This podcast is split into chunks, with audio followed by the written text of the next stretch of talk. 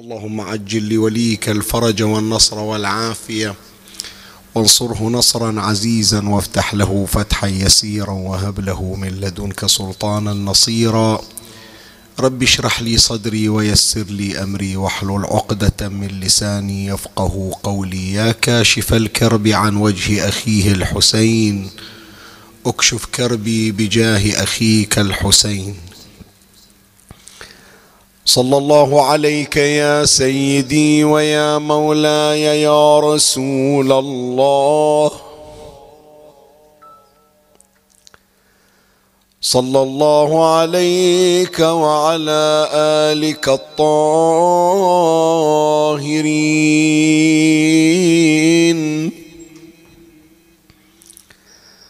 فاز من اعتصم بكم. وامنا من لجأ إليكم. اللهم صل على محمد وآل محمد وعجل فرجهم. اللهم اجعلني عندك وجيها بالحسين عليه السلام. في الدنيا والآخرة. وثبت لي عندك قدم صدق مع الحسين وأصحاب الحسين الذين بذلوا مهجهم دون الحسين عليه السلام. السلام عليك يا مولاي يا أبا عبد الله. السلام عليك يا مولاي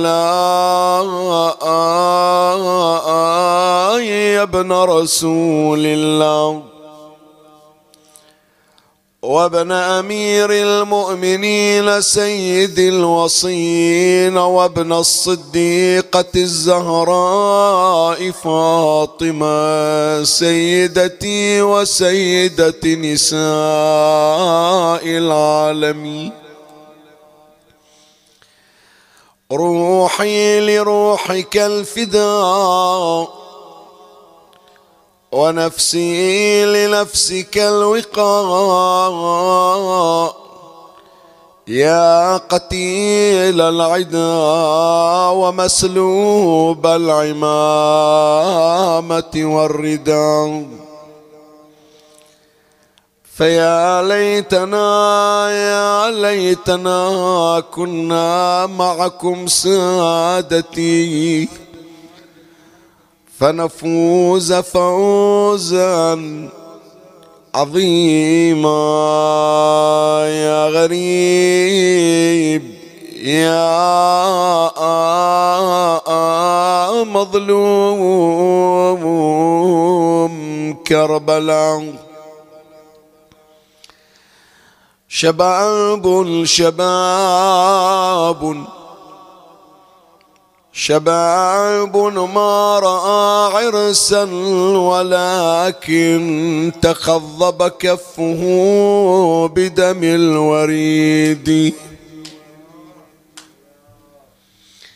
شباب ما رأى عرسا ولكن تخضب كفه بدم الوريد فيا نفس اذهبي وجدا وحزنا ويا عيني بحمر الدمع جودي. كأني كأني كأني بالحسين غدا ينادي. كأني بالحسين غدا ينادي علينا يا ليالي الوصل عودي. رجوتك يا علي رجوتك يا علي تعيش بعدي لتوسد جثتي وسط اللحود وتمشي باكيا من خلف ناشي. وتمشي باكيا من خلف ناشي كما يبكي الوليد على الفقيد. ولم أنسى النساء غدا تفرن فرن إلى نعش الشهيد ابن الشهيد.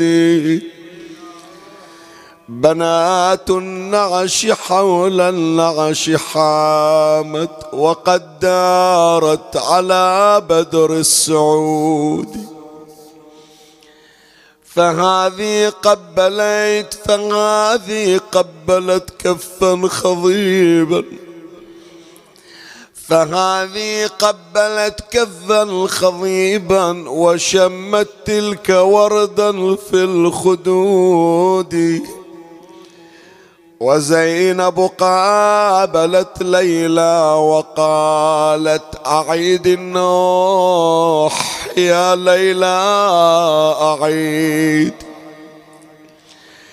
وزينب قابلت ليلى وقالت أعيد النوح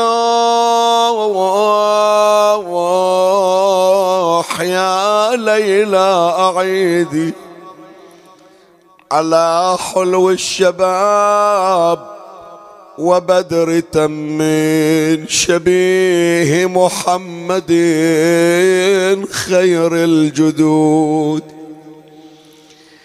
يا ليلا يا ليلا يا ليلا دقومي وتلقي ابنك يا ليلا والله قومي قومي قومي قومي وتلقي ابنك يا ليلى يا ليلى دخلي الخيمة وفرشيلة لا ما تحرب شايل ثجيلة ثجيلة ومن الماي من الماي ما برد غليله.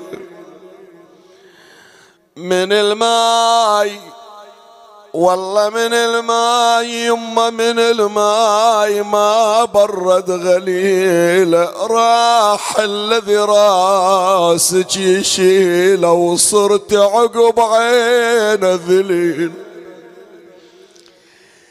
إجت زينب لعد ليلة وتقلها يا معلي بسيج. ترى مصاب ابن اخويا مجيد ومسني مثل ما مسيج.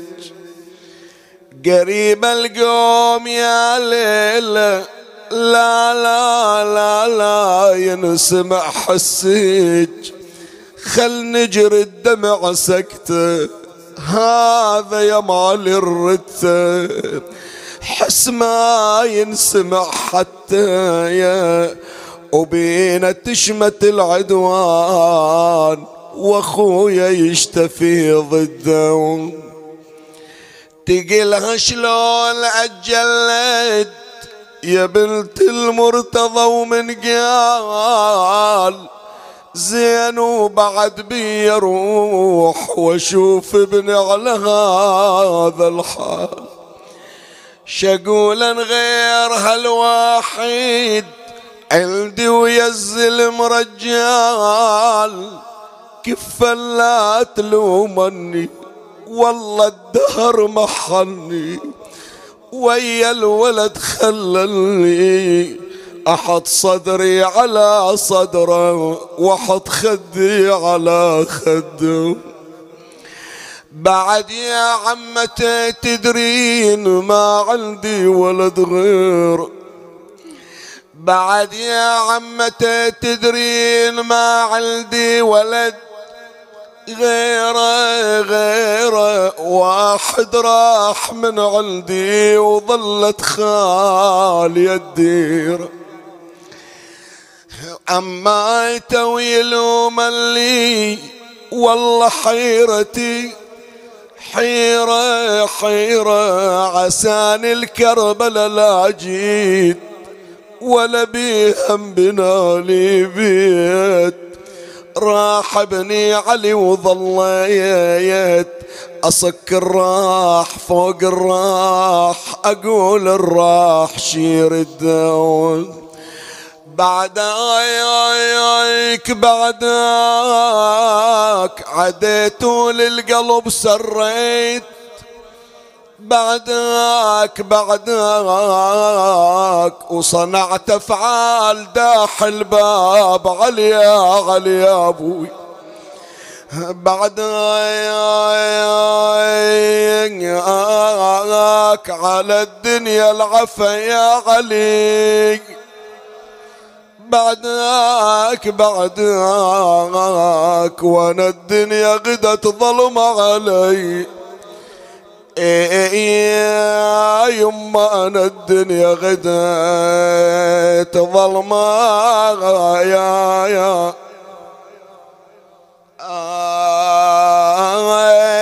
يا يا علي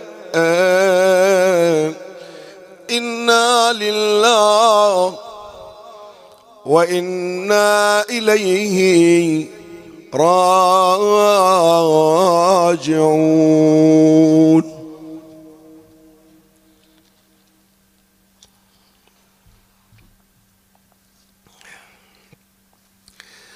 جاء في زيارة سيدنا علي الأكبر عليه السلام.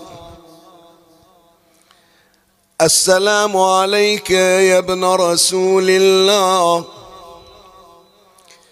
السلام عليك يا ابن نبي الله. السلام عليك يا ابن أمير المؤمنين. السلام عليك يا ابن الحسين الشهيد. السلام عليك أيها الشهيد. السلام عليك أيها المظلوم وابن المظلوم. لعن الله أمة قتلت ولعن الله أمة ظلمت ولعن الله أمة سمعت بذلك فرضيت به. قال ثم انكب على القبر وقل السلام عليك يا ولي الله وابن وليه لقد عظمت المصيبة وجلت الرزية بك علينا وعلى جميع المسلمين. فلعن الله أمة قتلت وأبرأ إلى وأبرأ إلى الله وإليك منهم ورحمة الله وبركاته. لروح سيدنا علي الأكبر ثلاثا بأعلى الأصوات الصلوات. اللهم صل على محمد وآل محمد.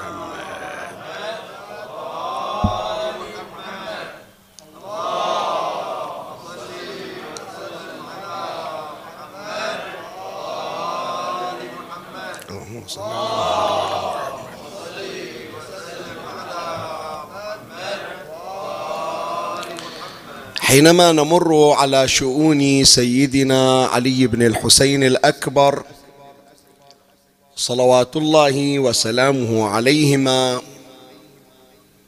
نتوصل إلى هذه الحقيقة أن علي بن الحسين الأكبر عليهما السلام ليس بشخصية مكررة ومستنسخة وإنما هو شخصية نادرة فريدة من نوعها بما تحمل هذه الكلمة من معنى. يمكن أن يكون هناك شخص متكرر يمكن أن يكون هناك شخص مساوي للآخر لكن يأتيك شخص ليس له نظير. ولهذا تجد الاعتناء به يكون مميزا والرعاية لأجله تكون مميزة. حينما تقرأ في سيرة المقتل لا بد أن تتوقف عند هذه المنعطفات. أنت حينما تأتي إلى قصة خروج أبطال كربلاء متوجهين إلى الشهادة فإن هناك حالات لم تكن تتكرر عند غيرهم. يعني يخرج فتيان بني هاشم فلا نسمع بأن هناك ضجيجا لدى النساء وخروج من النساء خلفهم. لكن نجد ذلك عند علي الأكبر ونجد ذلك عند الإمام الحسين ونجد ذلك عند القاسم ابن الحسن. لا نجد مثل هذه الظاهرة عند سائر الهاشميين. وحتى إذا خرج القاسم وحتى إذا خرج أبو الفضل العباس وحتى إذا خرج كل الهاشميين لا نسمع أن الحوراء زينب عليها السلام خرجت من المخيم لأحد إلا إلى اثنين إلى الحسين وإلى ولده علي الأكبر. هذا ما ثبت في المصارع والمقاتل. نعم قد يكون هناك خروج على أطراف الخيمة في داخل المخيم لكن أن يكون هناك بروز بحيث يرى الحوراء زينب عليها السلام معسكر الأعداء لم يكن ذلك إلا في حالتين للحسين ولعلي الأكبر. فنتوصل إلى أن شخصية علي الأكبر لا يمكن أن نساويها بشخصيات أبطال كربلاء مهما بلغوا. طبعا لا ندخل أبا الفضل العباس عليه السلام ومن ثبت مقامهم الراقي لهم استثناء. لكن أقول بأن شخصية علي الأكبر شخصية مميزة ونادرة وفريدة من نوعها. ولعل ما يكشف لنا أن علي الأكبر عليه السلام ليس كغيره أنه أقرب الشهداء التصاقا بقبر أبيه الحسين عليه السلام. مع العلم يا إخواني شوفوا هذا القبر الآن أو المقام الموجود إلى الأنصار لا تتصور أنهم يعني الأنصار كلهم في هذا الموضع. لا الأنصار دفنوا في حفر محيطة بقبر الحسين عليه السلام. وإنما هذا الضريح اللي تشوفه أو هذا الشباك اللي تشوفه هذا مكان رمزي مخلينا. مكان رمزي إذا أردت أن تزور الأنصار من هذا الموضع حتى تعمم زيارتك, زيارتك للجميع. لكن أكثر شخص التصاقا بالحسين عليه السلام هو علي الأكبر. وفي هذا المعنى دلالات. فإذا ثبت لدينا بأن علي الأكبر شخصية نادرة شخصية فريدة فنحن بحاجة إلى أن نتوقف للتفتيش عما يدعم هذه الحقيقة. ونبحث عن المواقف التي تشير إلى أن علي الأكبر عليه السلام له امتيازات خاصة تفوق على الجميع. وهذا ما سنبحثه إن شاء الله في بيان مقامات سيدنا علي الأكبر عليه السلام من خلال فصلين أو مجالين. أما المجال الأول نتحدث فيه عما في هذه الزيارة من تأملات. وفي المجال الثاني نشير إلى بعض الأشياء الخاصة بعلي الأكبر والتي تشير إلى عظمة مقامه. هذا تلخيص وعرض سريع وتمهيد لبحث هذا اليوم ومن الله أستمد العون والتوفيق. ومن مولاي أبي الفضل العباس المدد وألتمس منكم الدعاء وثلاثا باعلى الأصوات. صلوا على محمد وآل محمد.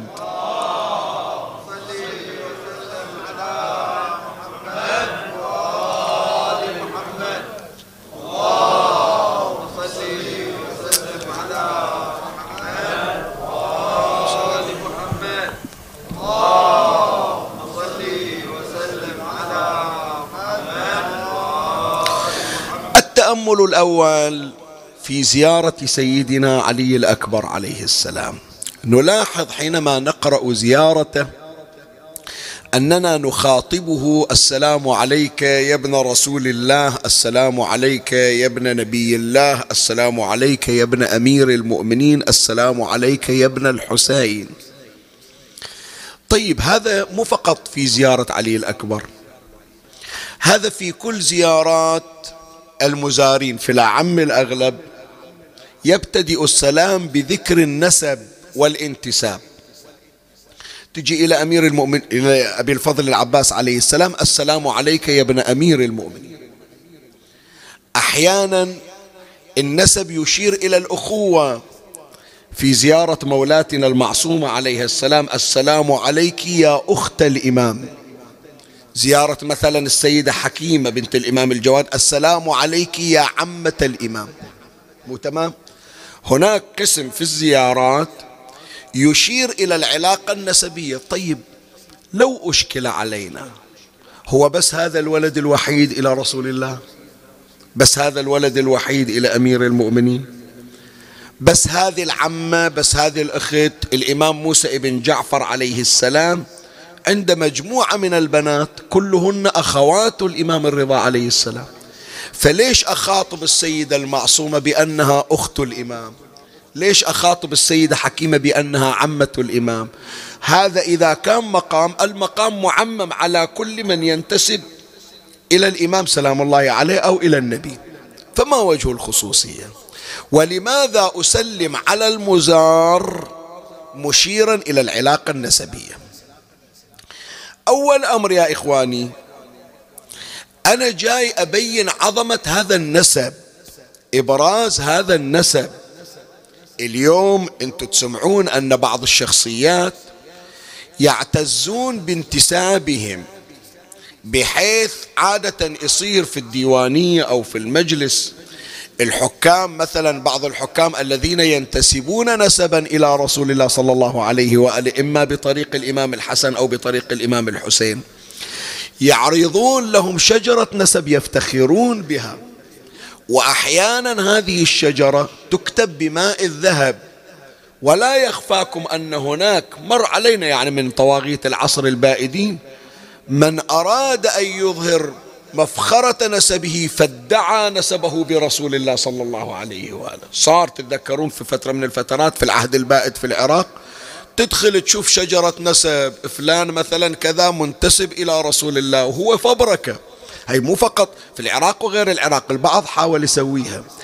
فواقعا النسب لأعظم نسب وهو نسب رسول الله صلى الله عليه وآله مفخرة.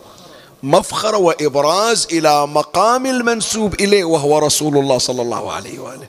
فكأنما أنت حينما تزور علي الأكبر عليه السلام وتقول السلام عليك يا ابن رسول الله كأنك تخاطب رسول الله صلى الله عليه وآله. تقول يا رسول الله أنت صاحب النسب الأزكى والأطهر وهذا نتاجك. أنت الشجرة المورقة اليانعة المتصلة بالله وثمراتك أمثال علي الأكبر وأمثال هؤلاء الأبطال. هي واحدة من دلالات السلام على المزار والإشارة إلى النسب. هذا واحد. الشيء الثاني اللي يخلينا إحنا من نزور المزور ونسلم عليه بالانتساب نريد نقول يا إخواني أن هذه الزيارة مو زيارة عرضية هذه زيارة عقائدية. أنا ليش أقول السلام عليك يا ابن رسول الله؟ السلام عليك يا ابن أمير المؤمنين. شنو الغرض؟ هذه فكروا فيها إذا الله أعطانا وإياكم إن شاء الله. زيارة العتبات المقدسة. شنو السبب؟ فكر ليش أنخاء السلام عليك يا علي بن الحسين انتهينا. بعد يا ابن رسول الله وشوف تكرار يا ابن رسول الله يا ابن نبي الله يا ابن أمير المؤمنين يا ابن سخير إمام المتقين يا ابن ليش هذا كله؟ تريد تقول أن الله تبارك وتعالى ألزمني بأمر عقائدي. هذا الأمر العقائدي قل لا أسألكم عليه أجرا إلا المودة في القربى واحد من إظهار المودة إلى رسول الله صلى الله عليه وآله ها أنا يا رب أصل نبيك بزيارة أولاده فأنا مو بس جاي حتى أزور العباس عليه السلام أو جاي أزور علي الأكبر عليه السلام أو أزور ولاة المعصومة صلوات الله عليهم أجمعين. لا وإنما هذا أداء إلى حق رسول الله. هذا أداء إلى حق أمير المؤمنين. ولهذا ليش أنت من تجي إلى الزيارة في الاستئذان إلا البعض يحلو له أنه يتركه؟ البعض يحلو يقول ليش أنا جاي بسرعة أريد أتحقق كذا؟ ليش أستأذن؟ لما تقول أأدخل يا رسول الله مو الشكل عندنا بالاستئذان؟ أأدخل يا رسول الله أأدخل يا أمير المؤمنين أأدخل يا فاطمة الزهراء. يعني أنا جاي أزوركم وزيارتكم متمثلة في زيارة أولادكم. فإذا هو أمر عقائدي. هذا اثنين. الأمر الثالث في التأمل الأول سر ذكر النسب في الزيارة. تدري لما تقول لعلي الأكبر عليه السلام السلام عليك يا ابن رسول الله. خلينا نضرب مثل آخر. أنت تخاطب أبا الفضل العباس عليه السلام سيدنا ومولانا السلام عليك يا ابن أمير المؤمنين. لو يجيك واحد من أولاد أمير المؤمنين غير العباس يقول خو مو بس هو من أولاد أمير المؤمنين. لو يجينا محمد بن الحنفية مع مالي محمد بن الحنفية من المقام والشأن ليش ما تسلمون علي وتسوون لي زيارة وتقولون السلام عليك يا ابن أمير المؤمنين مثل ما سويتوا هالأخويا العباس؟ أنا هم أبويا علي بن أبي طالب أمير المؤمنين. فاللي عندي عند العباس واللي عند العباس عندي لأن اثنيننا نشترك في أب واحد. شو تقولون الإشكال في محله لو لا؟ شو تجاوب عليه؟ السلام عليك يا ابن أمير المؤمنين مو فقط إظهار للنسب. وإنما أنت تريد أن تقول بأن هذا الولد وهو أبو الفضل العباس أخذ من مقامات علي بن أبي طالب عليه السلام. فما عند أمير المؤمنين من شؤون ومقامات إن تعذر علي الوصول إلى أمير المؤمنين فأنا عند ولد من أولاده صار مستودعا لفضائل ومقامات أمير المؤمنين عليه السلام. فمن اليوم ورايح إذا الله وفقنا وإياكم. أنه نزور الأطهار صلوات الله عليهم خصوصا من تجي إلى مولاة المعصومة عليه السلام. السلام عليك يا بنت رسول الله السلام عليك يا بنت أمير المؤمنين السلام عليك يا بنت خديجة الكبرى السلام عليك يا بنت فاطمة الزهراء سيدة نساء العالمين السلام عليك يا بنت الحسن والحسين السلام عليك وعدد. هذا السلام اللي تشوفه تقول أنا جاي للمعصومه مو جاي لهم ما تريده من النبي من علي من خديجة من فاطمة من الحسن من الحسين جعله الله مستودعا في هذا الذي تشرفت بزيارته. واضحة الفكرة هذه لو مو واضحة؟ واضحة مالت نوم لو مالت استيقاظ؟ مالت نوم؟ المفروض خلاص كل ما تتقدم الأيام يزداد النشاط مو يزداد التعب. العبرة مو يطلع جزعنا يوم الحادي يطلع جزعنا متى؟ يوم العاشر وقليل تترف الأرواح. في رزء الحسين للنشاط والحيوية والروحانية ثلاثا بأعلى أصواتكم صلوا على محمد.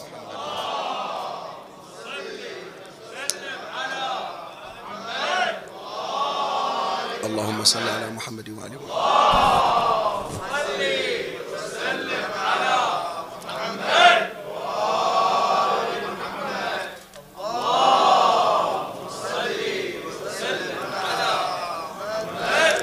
التأمل الثاني في زيارة سيدنا علي الأكبر عليه السلام أن الزيارة تبين أنه للحسين مقامات وهذه المقامات وصلت لعلي الأكبر. غير قلنا بأنه المزور امتداد للمزار للمنتسب إليه. لما تقول يا ابن رسول الله يعني اللي عند رسول الله صار عند علي الأكبر وإنت تأخذ اللي من عند رسول الله من قبر علي الأكبر امتداد. بس زيارة علي الأكبر تختلف. تبين شيء خطير وهذه من مقامات علي الأكبر. تقول من جهة أن عنده مقام عام أكو مقامات للحسين وأنت من تزور علي الأكبر تاخذ من مقامات وما عند الحسين من عطايا من خلال علي الأكبر. هذا مقام عام. وأكو مقام خاص لعلي الأكبر. شلون نعرف هذا الكلام؟ السلام عليك أيها المظلوم وابن المظلوم. في رواية السلام عليك أيها المظلوم السلام عليك أيها الشهيد وابن الشهيد. وفي نقل للرواء للزيارة بصيغة أخرى السلام عليك أيها المظلوم وابن المظلوم السلام عليك أيها الشهيد وابن الشهيد. زين السلام عليك أيها المظلوم واكتفينا خلاص. السلام عليك أيها الشهيد خلصنا. بعد ليش الشهيد ابن الشهيد؟ واحدة من الآثار أن الشهادة لها أثر على علي الأكبر والمظلومية لها أثر على علي الأكبر. فعند مقام من مظلومية الحسين فتقول له ابن المظلوم وعند مقام من شهادة الحسين فتقول له ابن الشهيد لا وهو في مظلوميته له مقام وهو في شهادته له مقام. فإذا مقام عام ومقام خاص. المقام العام هو المشترك بينه وبين أبيه الحسين والمقام الخاص الذي تخاطبه بالظلامة بالمظلومية وبالشهادة. هذه من ضمن التأملات. التأمل الثالث في الزيارة. شوف عبارة اللي ذكرتها أنا اهتميت أني أنا أذكرها لما قريت النص. ثم انكب على القبر وقل هذه عند علي الأكبر تحصلها عند الإمام الحسين عليه السلام تحصلها عند أبي الفضل العباس عليه السلام تحصلها عند مسلم ابن عقيل تحصلها عند قبور الأئمة هكذا تقرأ الزيارة ثم في منتصف الزيارة يقول لك روح إلى القبر وذب روحك على القبر انكب على القبر. لو تقرون زيارة سيدنا أبي الفضل العباس عليه السلام كأنما الزيارة مقسمة إلى قسمين. تبتدأ أولا سلام الله وسلام ملائكته المقربين وأنبيائه المرسلين إلى آخره. ثم تجي إلى قسم آخر يقول لك ادخل وذب روحك عند القبر وقل السلام عليك. في زيارة ثانية. ليش؟ شنو السبب؟ السبب أن هناك أثرا روحيا تكسبه بالزيارة حتى وأنت قاعد في هذا المكان وتزور الشخصية تحصل الأثر النوراني والروحي على نفسك فالأثر نفساني. لكن هناك أثر مضموم ما تحصله حتى يلتصق بدنك بقبره الشريف. يعني المقام مو بس للشخصية يا جماعة. شوي حط بالك للكلمة هذه لأنها كلمة جدا مهمة. القضية مو بس صاحب القبر هو إلى مقام. كل شيء يتعلق بصاحب القبر له مقام. ليش إحنا من نروح نمسح الضريح؟ ليش انت ما يبرد قلبك إلا إذا مسكت الشباك وحبيت الشباك وحطيت صدرك على الشباك؟ هذا مو جاي اعتباط. لأن الله تبارك وتعالى لما استودع هذا الجسد نورا النور يشع. وأثر النور صار ملتصقا بكل ما هو محدق به. فهناك أثر جسماني على جسمك حينما تلصق نفسك بقبره. والقضية مو بس عند الحسين مثل ما أن لقبر الحسين سر فإن لقبر علي الأكبر سر وهذا من ضمن أسراره. بذلك نكون قد انتهينا من المجال الأول. خلنا نجي إلى المجال الثاني نشوف بعض المقامات إلى سيدنا علي الأكبر عليه السلام. أول مقام الرزق السماوي. رزقه يأتيه من إذا أراد رزقا من السماء يأتيه الرزق من السماء. العلامة التوبلي السيد هاشم التوبلي أعلى الله مقامه في مدينة المعاجز يذكر هذه القضية. أن علي الأكبر عليه السلام جاء إلى أبيه الحسين صلوات الله وسلامه عليه وقال له إني أشتهي عنبا. وكان ذلك في غير أوان العنب. صار ببال علي الأكبر أنه يأكل عنب في غير أوانه. فلما سمع الإمام الحسين عليه السلام العلامة التبلاني يقول مد يده إلى سارية المسجد. سارية يعني شنو؟ هي الاسطوانة. بس إذا كانت الاسطوانة من آجر من بناء من رمل يعني يسمونها اسطوانة. إذا كانت اسطوانة خشبية يسمونها سارية. فلهذا شوف اللي يحطون عليه الشراع في السفن شو يسمونه؟ ساري. فمخلين أساطين خشبية يسمونها سواري. الإمام الحسين عليه السلام من ها ولدي مشتهي عنب؟ مد يده الحسين إلى سارية المسجد فاستخرج منها عنبا وموزا. ودفعهما إلى ولده علي الأكبر وقال ما عند الله لأوليائه أكثر. صلوا على محمد وعلى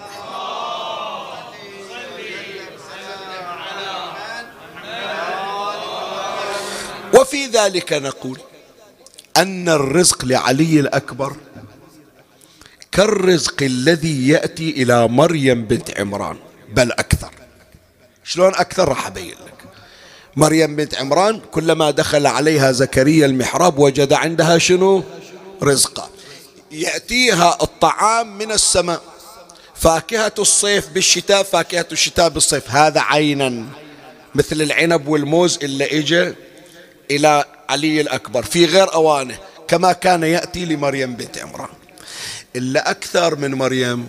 مريم إذا ارادت الرزق وهزي إليك بجذع النخلة تساقط عليك رطبا رطبا جنيا علي الأكبر ما يحتاج يهز فقط يشتهي. الرزق يأتيه مريم لو ما هزت جذع النخلة ما لا رطب ولا ينزل عليها رطب. صح هي هزة خفيفة لكن لابد أن تقوم بحركة ولو كانت حركة, حركة لا, لا تكاد أن ترى. علي الأكبر مقام أرفع. شبيه رسول الله. ما يحتاج أنه يهز سارية ولا غير سارية. فقط يعرب عن شهيته فهنالك يأتيه الرزق من السماء. هذا اثنين.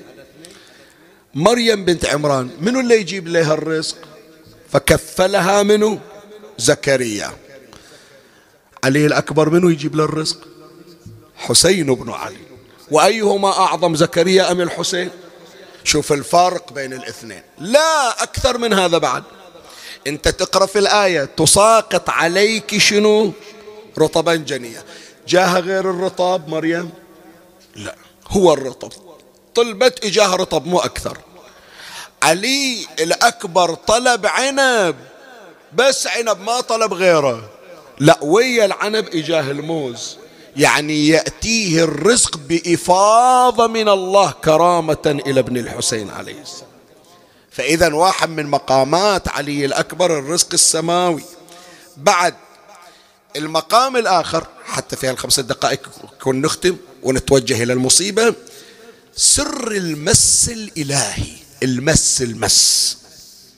شلون؟ اي شيخ التستري يذكر هذه الرواية يقول لما عزم علي الأكبر على الخروج إلى القتال وخرجن بنات رسول الله وحطن به. اجى الإمام الحسين عليه السلام يحل الأيدي عن علي الأكبر. يعني كل واحدة لازمه علي الأكبر. والحسين يرفع الأيدي عن ولده علي الأكبر ويقول دعين ولدي. خلوه. دعين ولدي. فإنه شنو؟ ممسوس في ذات الله ومقتول في سبيل الله. تعال إلى عبارة ممسوس في ذات الله. يعني شنو ممسوس في ذات الله؟ شايف أنا بعض الأحبة الله يذكرهم بالخير من خدام أهل البيت هنيئا لهم شرف الخدمة لكن فسرها غلط. قال هذا الماس ممسوس في الله يعني تعبان من أجل الله. المس يعني الجهد مثل ما قال يتخبطه الشيطان من شنو؟ من المس يتعب يمرض. فهو علي الأكبر تعبان في سبيل الله تعبان من أجل الله. لا المس يا إخواني مقصود شيء ثاني مو هذا. الماس يا أحبائي التلبس في الشيء. من يقولون مسه الشيطان يعني تلبس به الشيطان. فلهذا الله لا يراويكم هذا الذي يتلبس به العفاريت والجن والشياطين. شوف حركاته شلون شوف حكيه شلون شوف وضعه شلون. فتصير أفعال أفعال شيطانية والمستجار بالله. في قبال المس الشيطاني أدنى مس ثاني يسمونه مس رباني. ذاك الشيطان هو الذي يتحرك يعني يصير آلة للشيطان.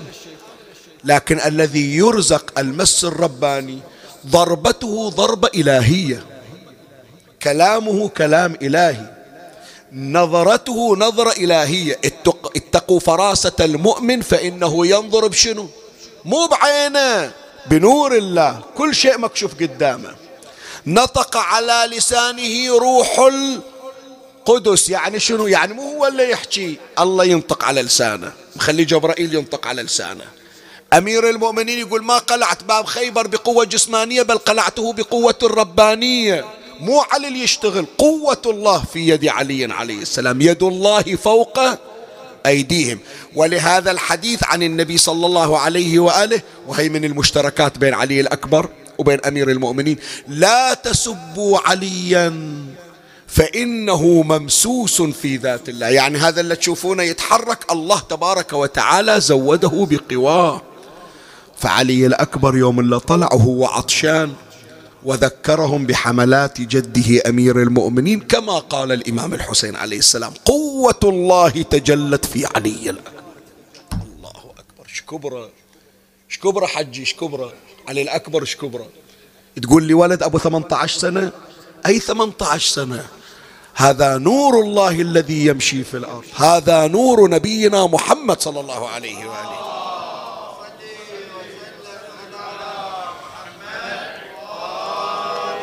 أما السر الآخر الذي يكشف عن مقام علي الأكبر ذكرنا سرين؟ السر الآخر سر خروج الحوراء زينب عليها السلام لمصرعه الشريف.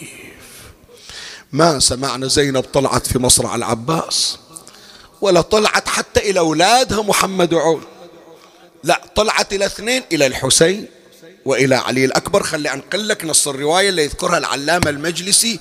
قال حميد بن مسلم فكأني أنظر إلى امرأة خرجت مسرعة كأنها الشمس الطالعة تنادي بالويل والثبور وتقول يا حبيباه يا ثمرة فؤاداه يا نور عيناه فسألت عنها فقيل هي زينب بنت علي.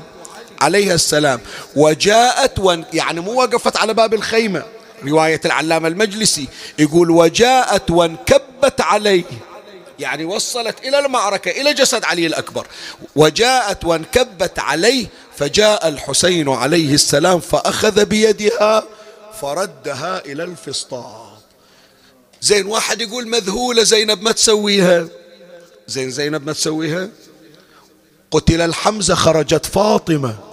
إذا هي زينب طلعت من الخيمة إلى مصرع علي الأكبر من طاح الحمزة ابن عبد المطلب خرجت كل المسلمين يقولون خرجت صفية وفاطمة وجاءت صفية تنادي وأخاه وفاطمة تنادي وعماه وصلوا عند مصرع الحمزة.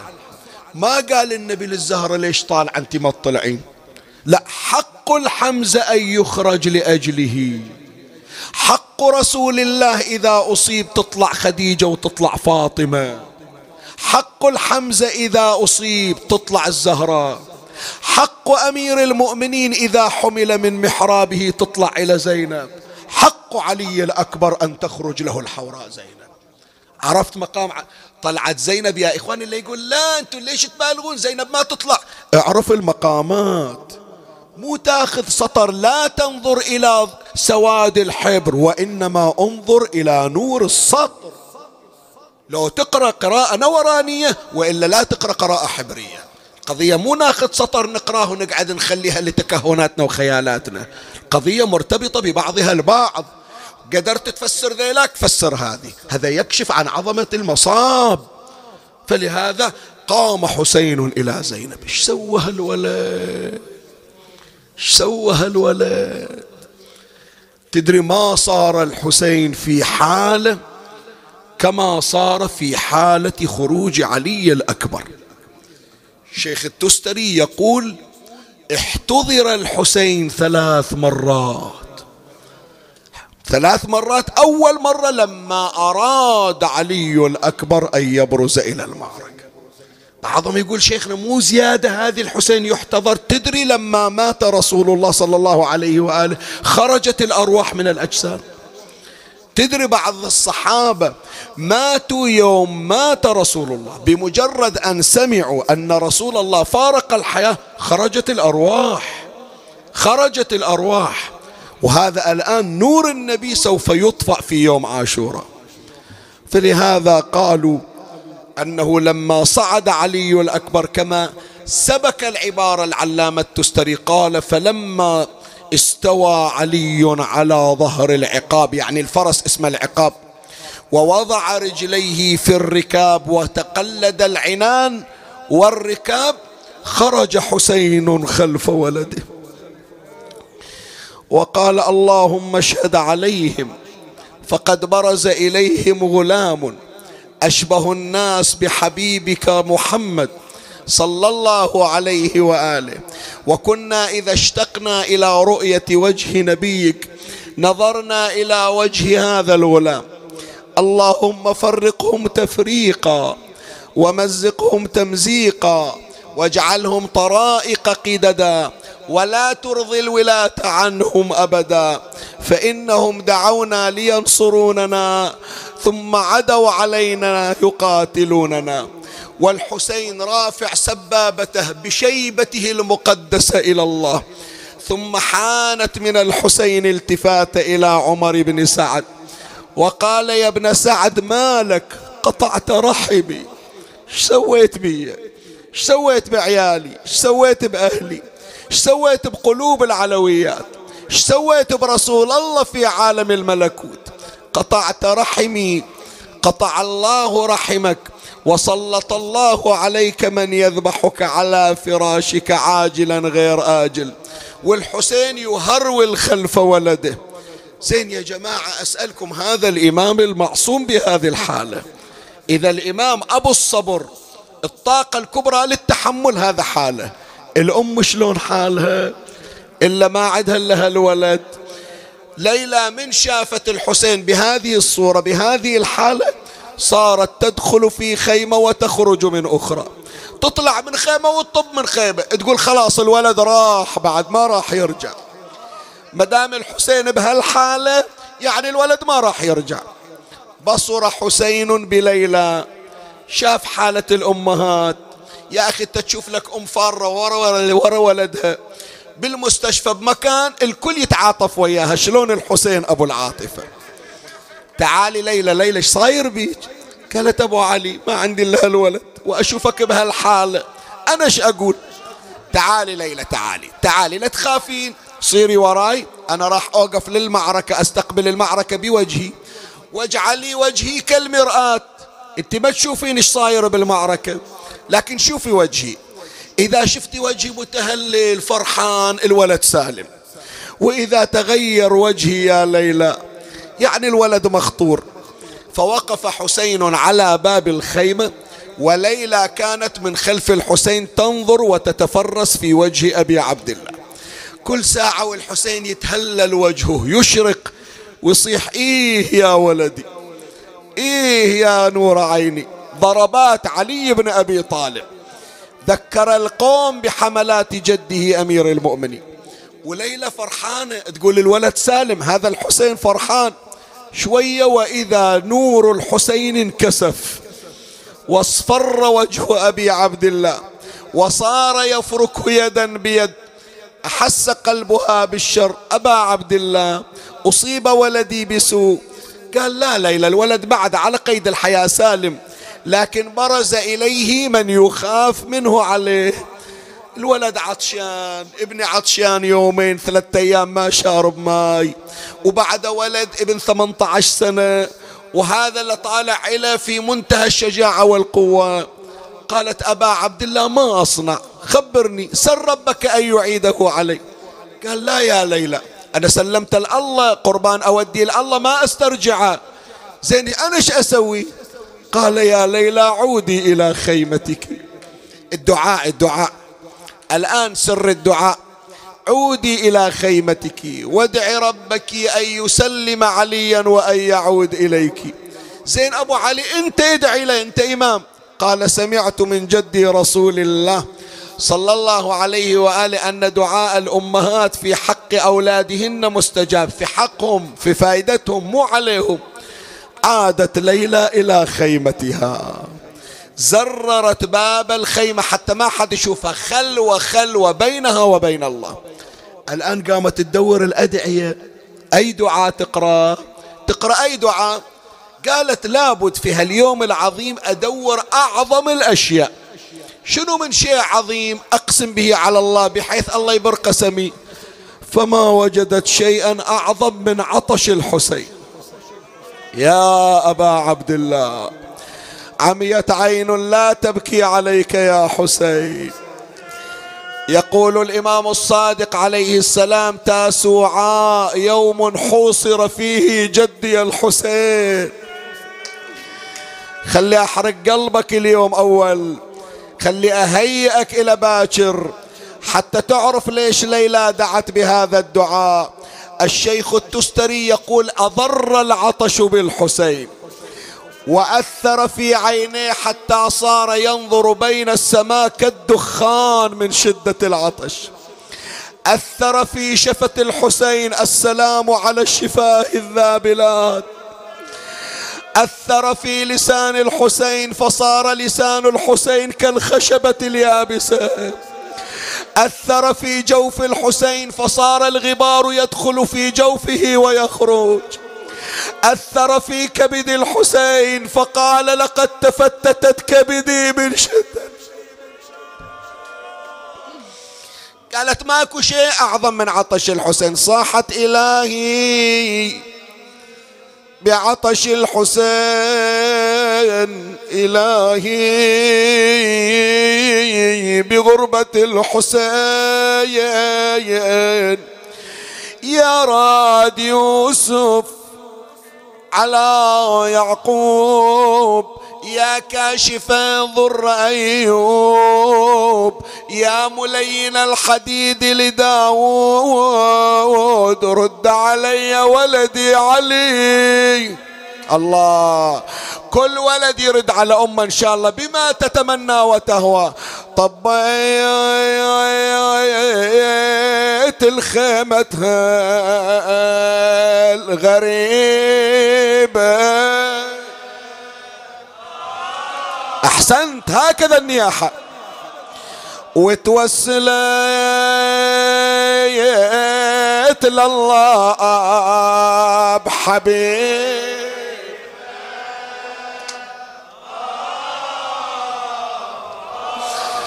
اسمعني وبالحسين وش ما بي مصيبة.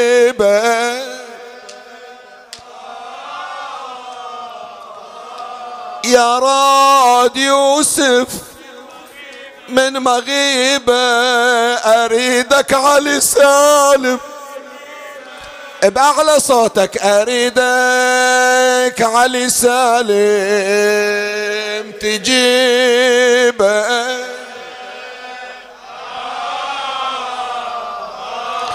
استجاب الله دعاء الأم المحروق قلبها رجع الولد سالم لكن وقف إلى أبويا أبويا قطرة مية لجبدي. لجبدي أتروى ورد للميدان. قال بويا سامحني مو عادتك يوم تطلب من عندي طلب وأرجعك. وأنا اللي يقصدني ما يخيب.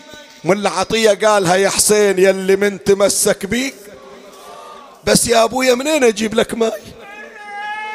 لو عندي قطرة ماي كان أخوك الرضيع اللي على التراب رويت حلقة. بس خلي أراويك شيء اللي ينسيك العطش. شنو؟ قال افتح فمك. وضع حسين لسانك. في فم علي الأكبر. رجع علي الأكبر إلى وراء. ها علي صاير؟ قال بويا لسانك خشبة يابسة. اصرخ ونادي وحسينا. خرجنا النساء لوداع علي الأكبر. خرجت الأم ترى ولدها. ضججنا النساء في المخيمات وعليا. أمر الحسين علي الأكبر أن يؤذن. أذن وكان صوته جهوريا فكأن رسول الله كان يؤذن.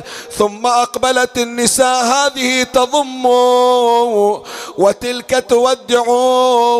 وأخذه حسين من أوساط النساء. ثم امتطى علي صهوة جواده. هذه ساعة الفاجعة هذه ساعة المصيبة؟ أين المواسون لريحانة رسول الله؟ أين أصحاب الحوائج؟ وهذا باب الحوائج.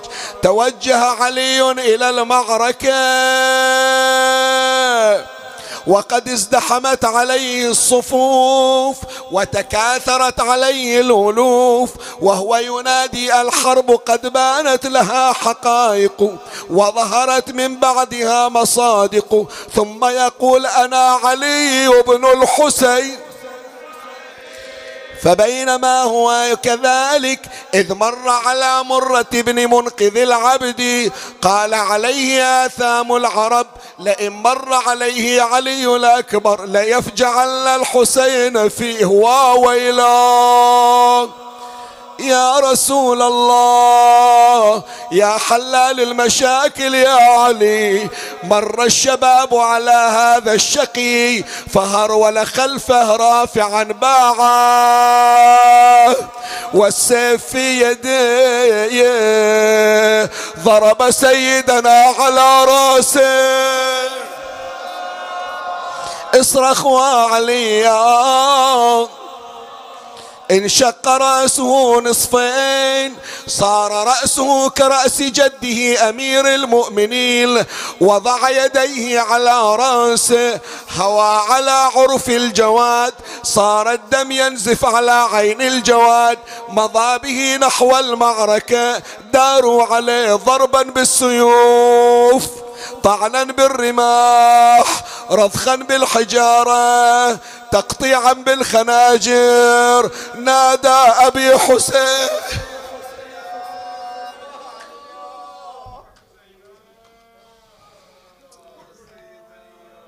الله لا يروع الآباء على أولادهم. إذا تسمع ولدك يصرخ صرخة تحسها كأنها الطعنة بقلبك. طلع حسين مهرول من الخيمة. وهكذا ورد ملأ البيدة بأنينه كربلة كلها ونت الحسين. ويصيح ولدي ولدي علي ولدي علي. وصل وإذا علي الأكبر ممدود على التراب جسمه كله أحمر وراسه مفتوح نصين فصار في ذهن الحسين أن الضربة بس على الرأس وهذا الاحمرار على جسده من آثار الدم. وهو ممدد قال الرمل حار خلي أشيل وليدي وأخلي ظهره على صدري أو أسدى على صدري. مد حسين يديه إلى ولده تو يريد يسبح يسحبه وإذا أوصال علي الأكبر تتناثى أثار الولد مقطع. خلاه خلاه على التراب خلاه على التراب. وعلي الأكبر فاتح عينه إلى السماء قاعد يطالع ويتبسم. ويصيح له علي حبيبي علي تسمعني؟ ويا يحكي وياي سولف ويا أبوك مشتاق أسمع صوتك. وهو يطالع للسماء شو تشوف يا وليدي؟ أشوفك تتبسم فرحني وياك. قال لأبويا هذا جدي رسول الله. أشوفه نازل من السماء جاي يتلقاني. بويا لا تشيل همي يا ابويا قلت لك عطشان وانت ما عندك ماي. هذا جدي جايب الماي بإيده أشوفه. إيه علي؟ وبعد شو تشوف؟ قال من خلفه جدي أمير المؤمنين. كلهم نزلوا يا ابويا بعد منو إجا؟ قال كريم أهل البيت أبو محمد عمي جاي وياهم. وهذا الحمزة وهذا جعفر. شوية وإذا دموع علي الأكبر على خده. هلا بيك. ليش بكيت؟ وين راح قلبك؟ حضرت حضرت. حضرت أم الحسن حضرت. شو تشوف علي؟ قال وحدة حاطة إيدها على خاصرتها. وين واقفة؟ عند راسك. قال لا يا أبويا واقفة عند رأسك أنت. كلهم عندي واقفين بس هي واقفة عندك. علي تحكي له ساكتة هاي الحرمة. قال والله كنها تون شو تصيح؟ أنا الوالدة يا حسين يا ابني. يا ابني يا ابني يا ابني عسى يا ريت ذبحك. بعد أريد امرد قلبك آخر دمعة أطلعها من عينك. في المقاتل عندنا بأن مر ابن منقذ العبدي قبل لا يضرب علي الأكبر بالسيف على رأسه طعنه بالرمح في ظهره. شوية عطني مهلة هذه أريد أوديها إلى الأولاد. إلى الأولاد وكل, وكل ولد الآن من يخلص المجلس؟ يروح البيت تطيح على راس أبوه وإذا أبوه راح يروح إلى قبر أبوه يترحم عليه حتى يعرف شي يسوي الولد بقلب أبوه. هذه الضربة اللي صارت بظهر علي الأكبر. بعض العلماء يقول علي الأكبر يقول للحسين يقول لأبويا سامحني. قال له ليش أسامحك؟ هو صار ولد مثلك يا علي؟ وين بالأولاد ولد بار مثلك؟ أسامحك على شنو؟ قال بويا العادة كل مرة أنت قاعد وأنا واقف. إذا محتاج شيء أنا اللي أخدمك. ما حد يجيب لك ماي غيري. بس اليوم يا أبو علي سامحني. أنا ممدد وأنت واقف على رأسي. والله يا أبويا مو بكيفي. لكن الضربة اللي إجت على ظهري كسرت ظهري يا حسين. ونادى حسين بني علي قتلوك. وما عرفوك وما عرفوا من جدك ومن أبوك ثم نادى حسين على الدنيا. بعدك العفايا وصلت صيحة الحسين إلى المخيم. سمعت زينب أخوها يون بالمعركة خرجت زينب وقفت على باب الخيمة صاحت وولداه أول مرة قالت وولدا لكن شافت الحسين روحها راح تطلع.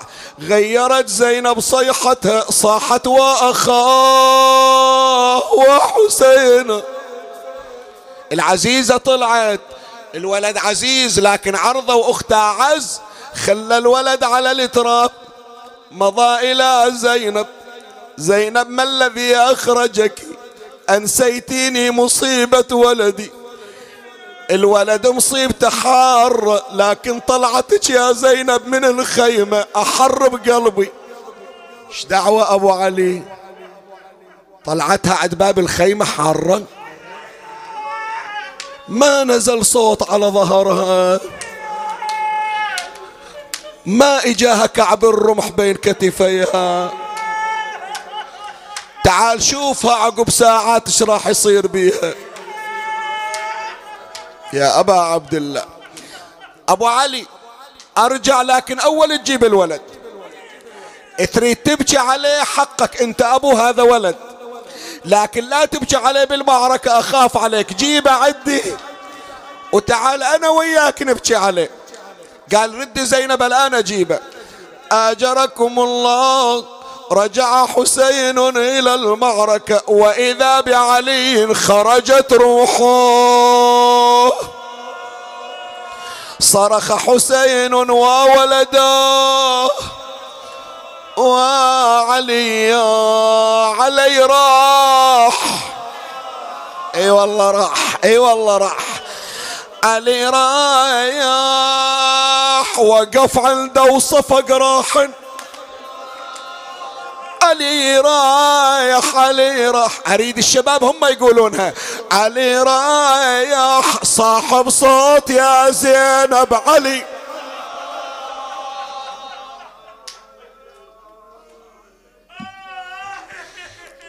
الأمهات لهم حق وإلا المجلس مكتفي. الأمهات المفجوعات اللي اختل البيت من أولادهم إلهم حق. اقرا هالكلمة وأنزل من على المنبر. يريد يشيله ما ينشال. يريد يشيله ما ينشال. يشيل صوب يطيح صوب. نزع الرداء فرش البردة لف الولد التفت أبو فاضل شيلوه. شيلوه شيلوه. بعد ظهر انكسر. أنا لاحق لاحق. عندي القاسم باشيله. عندي عليك يا أبو فاضل ظهر بينكسر. عندي شمر يتربع على صدري. عندي أربعين حافر تطحن عظامي.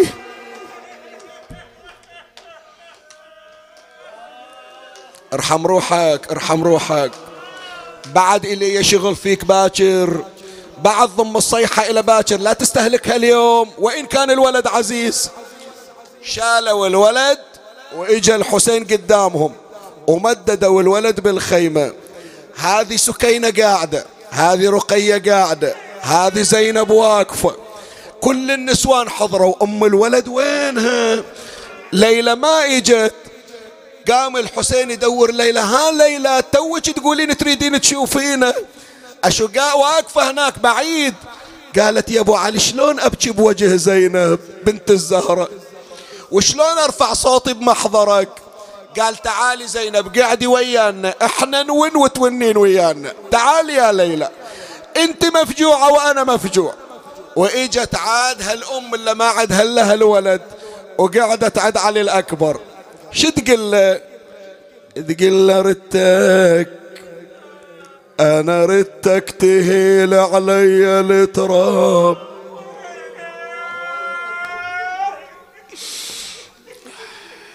تقول يوم اللي أموت وينزلوني ما أريد غريب اللي ينزلني بالقبر. أريدك أنت يا وليدي ما ظل عندي أولاد ولا ظل عندي الحسين. منو ينزلني يوم اللي أموت؟ أنا أنا ردتك تهيل علي التراب التراب التراب وردتك بدال حسين لو غاب يا علي إي والله لمرد قلبك. أنا ذخرت الولد الأيام. شيبي شيبي وتالي انقطع من نصيبي. على مصيبتك يا علي شقيت. هذا تقراه تقراه وتطلب السلامة إلى كل واحد مبعد إذا ولت الشبان وليت وليت اختلى البيت يا يمه يا كوكبا ما كان أقصر عمره. وكذا تكون كواكب الأسحار يا الله. اللهم صل على محمد وآل محمد. باسمك العظيم الأعظم الأعظم الأعز الأجل الأكرم. بك يا الله بمحمد بعلي بفاطمة بالحسن بالحسين. بعلي بمحمد بجعفر بموسى. بعلي بمحمد. بعلي بالحسن بالحجة ابن الحسن. بجاه مولاتنا أم البنين بجاه أبي الفضل كاشف الكرب عن وجه أخيه الحسين اقض حوائجنا يا الله. قدموا حوائجكم. اذكروا أصحاب الحوائج. إلا إلهم هام كانوا يتمنون يحضرون بالمجلس لكن رهانهم أنكم ما تنسونهم. اللهم اشف مرضاهم اللهم اقض حوائجهم اللهم بلغهم آمالهم اللهم أد عنهم الدين اللهم اغنهم من الفقر اللهم ارزقهم الذرية الصالحة اللهم اصلح له اصلح لهم في أولادهم وبناتهم اللهم ألف بين الأزواج والزوجات بين الأبناء والبنات والآباء اللهم ألف بين القلوب اللهم ادفع عنا كل مكروه اللهم اجلب لنا كل خير. اللهم ارزقنا توبة نصوحة تبيض بها وجهنا عند إمامنا صاحب العصر والزمان. شرفنا برؤيته وارزقنا شرف خدمته. المؤسس أطل اللهم في عمره وبارك في رزقه وانفعه وانفعه بهذه الخدمة. اصرف عنه السوء والبلاء. ترحم على أمواته وأمواتنا وأموات المؤمنين. أوصل لهم جميعا ثواب هذا المجلس وبلغهم ثواب الفاتحة مع الصلوات